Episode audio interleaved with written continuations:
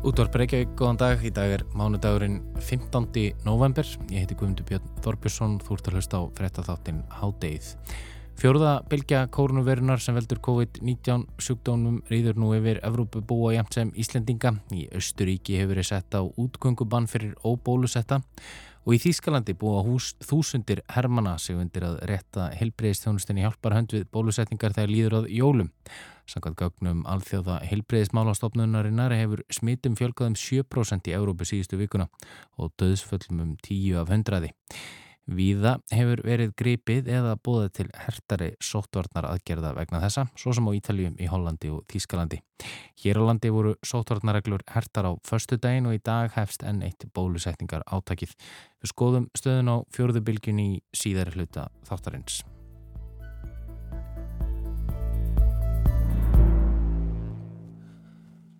En við byrjum í Íþróttunum eins og vanalega á mánudögum íslenska karlavansliði í fótbolta. Laug keppni í undakeppni HM í Katar í gær þegar liði beð lagri hlut gegn Norður Makedóni í Skópje 3-1. Á 50 dag gerði liði svo markala stjæptefli við Rúmeníu í Búkarest. Íslensku drenginir reyðu ekki feitum hesti frá þessari undankeppni og endaði Ísland með nýju stig í næst síðasta sæti reilsins. Eh, hingaði sest Kristjana Arnarsdóttir, Íþrótafrættamæður. Velkomin Kristjana. Takk fyrir. Við, eins og ég segi, við reyðum ekki kannski feitum hesti frá þessar undakettni og fyrir hana hefðu kannski viljað segra á rútilegjum gegn Rúmeni og Norður Makedóni en svona úr því sem komið var, já, hvernig stóðu, stóðu okkur í þessum legjum? Já, er alveg sammála, auðvitað náttúrulega þegar maður horfið á, á reyðilinn fyrir, fyrir allt batterið að þá hugsaði maður, já, ok, þetta kannski verður ágæðis undankefni fyrir okkur en svo bara gerust ymsi uh, hlutir og meðsli og annað sem að setja þetta strikið reikningin en þetta jafntefni gegn Rúmeni á fymtudag sem það var náttúrulega eh, kannski ekki skemmtilegast leikur í heima að horfa á en, en það var, var fítna mörgu leiti, ég meina við erum mhm. með ungt lið, við erum með mjög ungt miðvarapar sem að skilaði sínu verki mjög vel, er að myndast kannski svona gott pari í Brynjari Inga og, Daniel Leo mm -hmm. Spilum góða, góða vörðin í þeim leik. Já, algjörlega, það var góða vörðin í þeim leik. En svo á móti Norður Magadóni í gær þar skiptum við um bakverði hann að við erum búin að vera svona aðeins að máta nýja bakverði líka. Uh, og þetta er Norður Magadónska lið þetta var auðvitað ekki sérstök úslita að tapa 3-1 en, en þetta er lið sem er búin að vera lengi saman og, og hérna kannski bara eins og, eins og okkar lið var áður en að að kannski fyrir þetta ár í raun og veru þá erum við með lið sem hafa búið að vera mikið saman lengi. Mm -hmm. þannig að það er svona kannski munurinn. Eh, Við vorum með yngsta eh, íslenska lið, við vorum með yngsta meðalaldur leikmanna í þessum sí, síðustu tveimur leikjum undakefninar eh, en það voru þó tveir sangarlega reynsluboltar Birkir Már Sæfarsson og, og Birkir Bjarnason og, og Þetta voru tímamóta leikir hjá þeim báðum, ekki svo? Já, sannlega. Birgir Már uh, laug sínum landslýsferðli í gær, búin að spila með liðinu frá árunni 2007, spilaði sin fyrsta landsleika móti Lichtenstein 2007 og skoraði svo á móti Lichtenstein í mitt, fyrsta landslýsmarki, nýju árum síðar og, og nú er allar hann að láta staðar numið, búin að spila 103 leiki fyrir landslið og er þá þriðji leikjahæsti.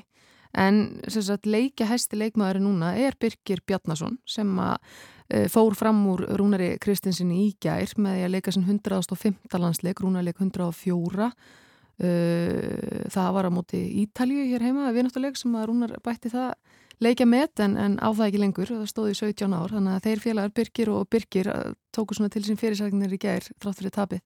Einmitt, það hefur kvíslast svolítið úr liðin og undanförnu en við heyrðum á Birgi eftir leiki gær að Birgi Bjarnasinni þar að segja að hann ætla sér að halda áfram og, og bæta þetta með þetta enn frekar. Já, Birgir er bara staðræðin í því að halda áfram. Hann er hann þá ungur árum, segir hann, og, og ætla bara að, hérna, að halda áfram með liðinu sem eru auðvitað fagnar efni því að hérna, það er að hvernig svolítið rætt út núna. En auðvitað eru, eru fleiri leikmenn sem að uh, eiga eftir að koma einn, eru búin að vera klíma við meðsli.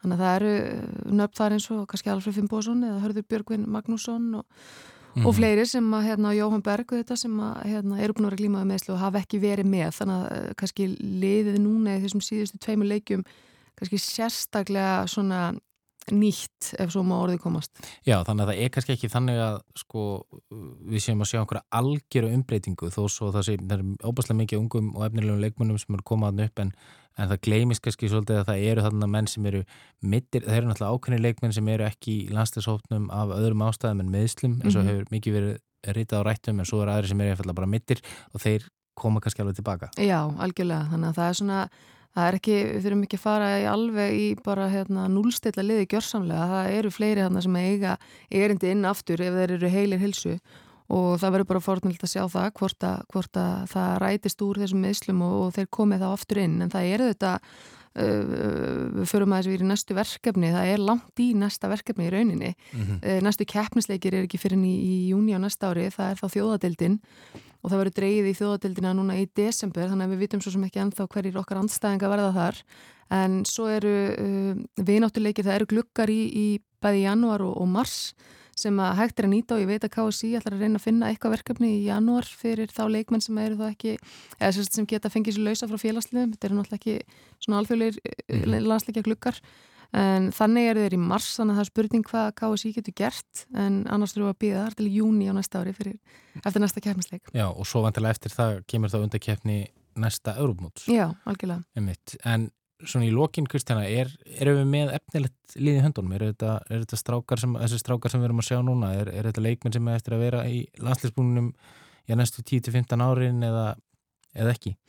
Ég held það, ég meina, ef maður horfir á þennan hóp núna, hérna, þennan leikmannhóp sem var í þessu verkefni, megnið þessum leikmannum var að spila með 21. landsliðinu fyrir örfa á mánuðum þar voru þeir að spila á, á lokamóti hérna, 21. landslæsins og það, þeir eru búin að fara náttúrulega á mjög skömmum tíma úr því að vera bara leikmenn í 21. landsliðinu í að vera komnir á starsta sviði með aðlandsliðinu miklu fljótar en þeir kannski áttu vona og þá tekur um leið þróskakip og þú tekur allan pakkan í einu þannig að það er spurning hvort að, að það hafi ekki bara þetta hafi ekki bara verið bara fínt að, hérna, að þeir fengju þessa eldskýrit núna svolítið svona bratt en, en þá eru þeir bara klárir í slægin með, með liðin á næsta ári.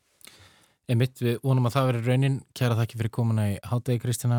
Við snúum aftur strax að loknum Hátegisrættum og þá ætlum við að fjalla um fjóruðu bylgu koronaviru faraldursins.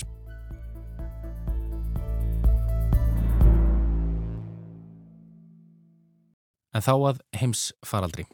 Næri því tvö ár eru síðan fyrsta manneskjan smitaðist af koronavirunni sem veldur COVID-19 sjúkdómnum í borginni Wuhan í Kína en upptökannar eru rækinn til matarmarkaðar þar í borg.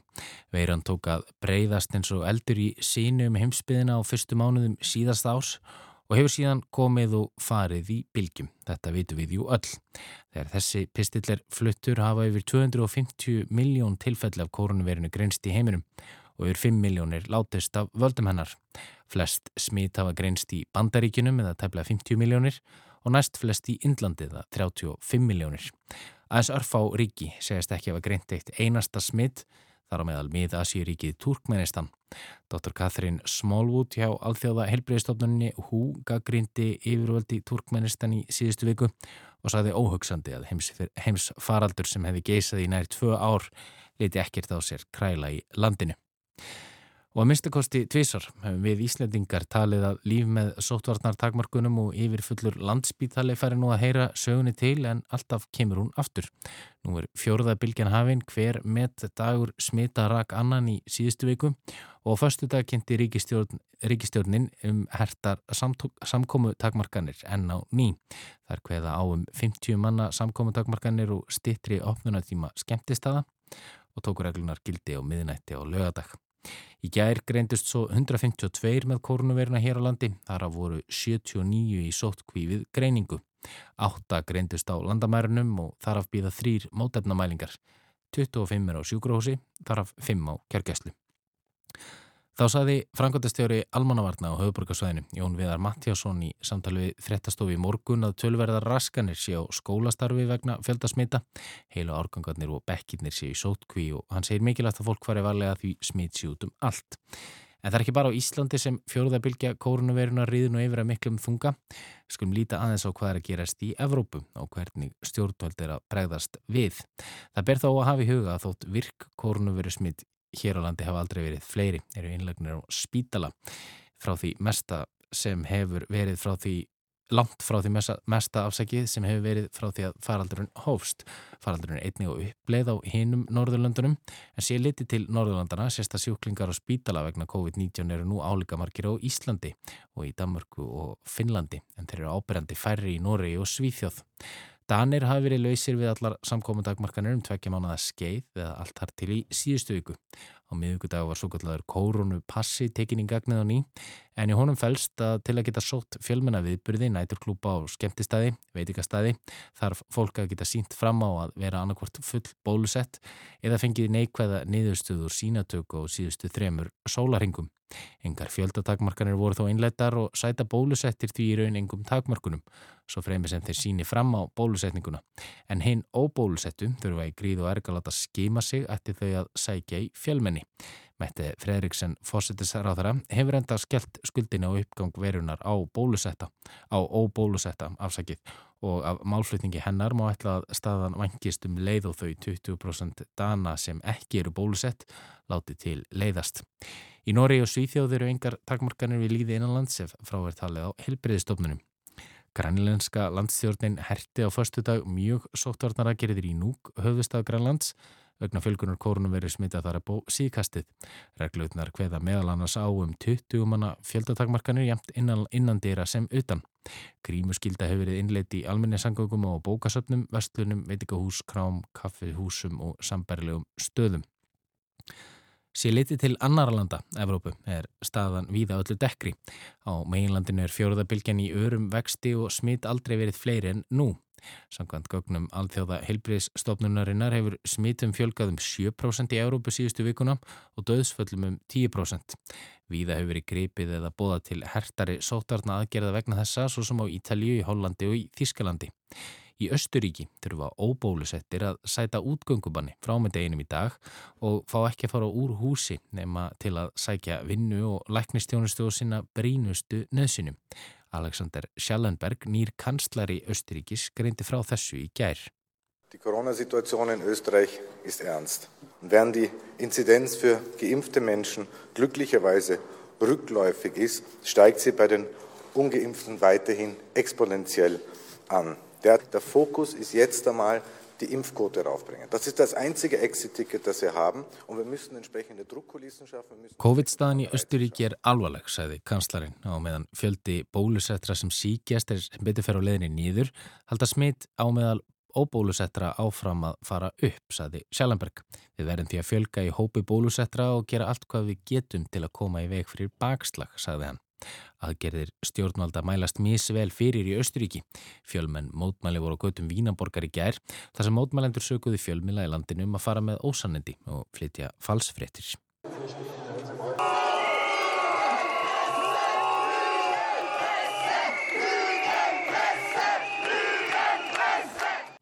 Og þessi gangandi vegfærendi hér var ekki við sem aðgerir stjórnvalda væru réttleitanlegar.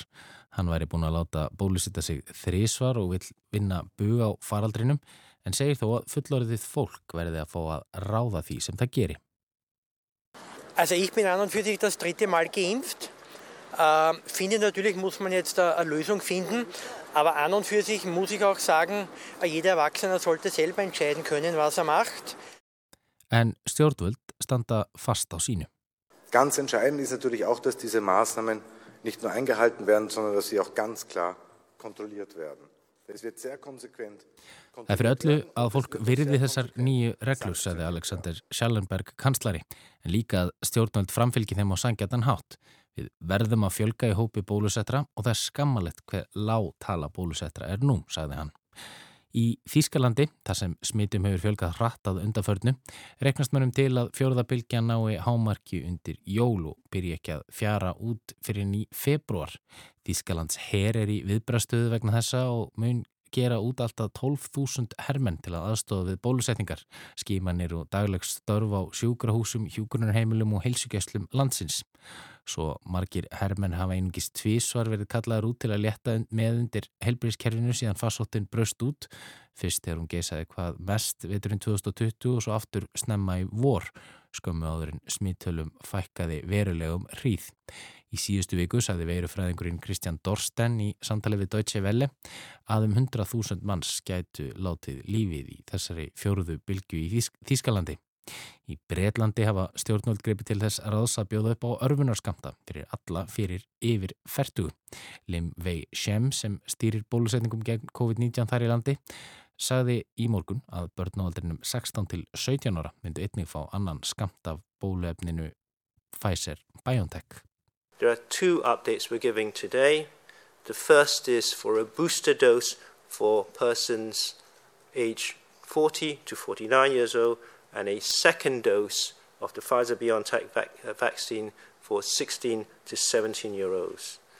Both of these updates are important to maximize our protection against this virus, and I strongly urge anyone who is eligible for these vaccines to come and have those vaccines. Báðir raunarskamtarnir fyrir þau sem eru komin yfir færtugt og fyrir úlingana eru mikilvægir í barátunni gegn útbreyslu verunar, sagði Limvei Sjem og hvati hann alla breyta til að þykja þessa skamta. Og þá samþykti letneska þingið í síðustu viku að meina þeim þingmönnum sem hafna bólusetningu við COVID-19 að taka þátt í atkvæðagreislum og umræðum á þingi. Hlutfall bólusettra fullorðina í Lettlandi er með því lægra í Evrópu. 58% fullorðina hafa verið full bólusett samanborið við 66% fullorðina innan Evrópusambandsins. Og hér á landi hófst enn eitt bólusetningar átækið í dag þegar öllum 16 ára og eldri bauðst, bauðst, býðst nú afsakið örfunar bólusetning gegn COVID-19. Það eru bólusett um allt land og gert ráð fyrir að fólk mæti eftir að það hefði fengið bóðun í bólusetningu. Fyrsti luti átagsins stendur í tæpar fjórar vikur eða til 8. desember. Bólusetning hófst í lögadagshöll í morgun og bólusettu verður þar uh, á mánudaga, þriðudag og miðvíkdaga frá 10 til 3. Byrjað verður að bólusetja þá sem voru bólusett fyrst í vor, 60 ára á eldri og fólk með undirlikandi sjúkdóma. Ekki er bólusett á Suðurlandsbreyt 34 þá daga sem bólusett er í lögadagsöll. Seks mánuðir þurfa að vera liðnir frá setni skamti grunnbólusetningar og 14 dagar þurfa að líða á milli influensubólusetningar og bólusetningar gegn COVID-19. Á VF Hilsugestlu höfuborgarsæðisins segir að þau sem eru búin með grunnbólusetningu og hafa fengið COVID eigi að býða þanga til frekari fyrirmæli berast. En Katrín Jakobsdóttir, fósettisaráþra, sagði viðtalið við Rúf fyrir helgi að vonir hefðu staði til að mótefnasvar eftir tvær spröytur af bóluefni við COVID hefðu varað lengur en það gerði.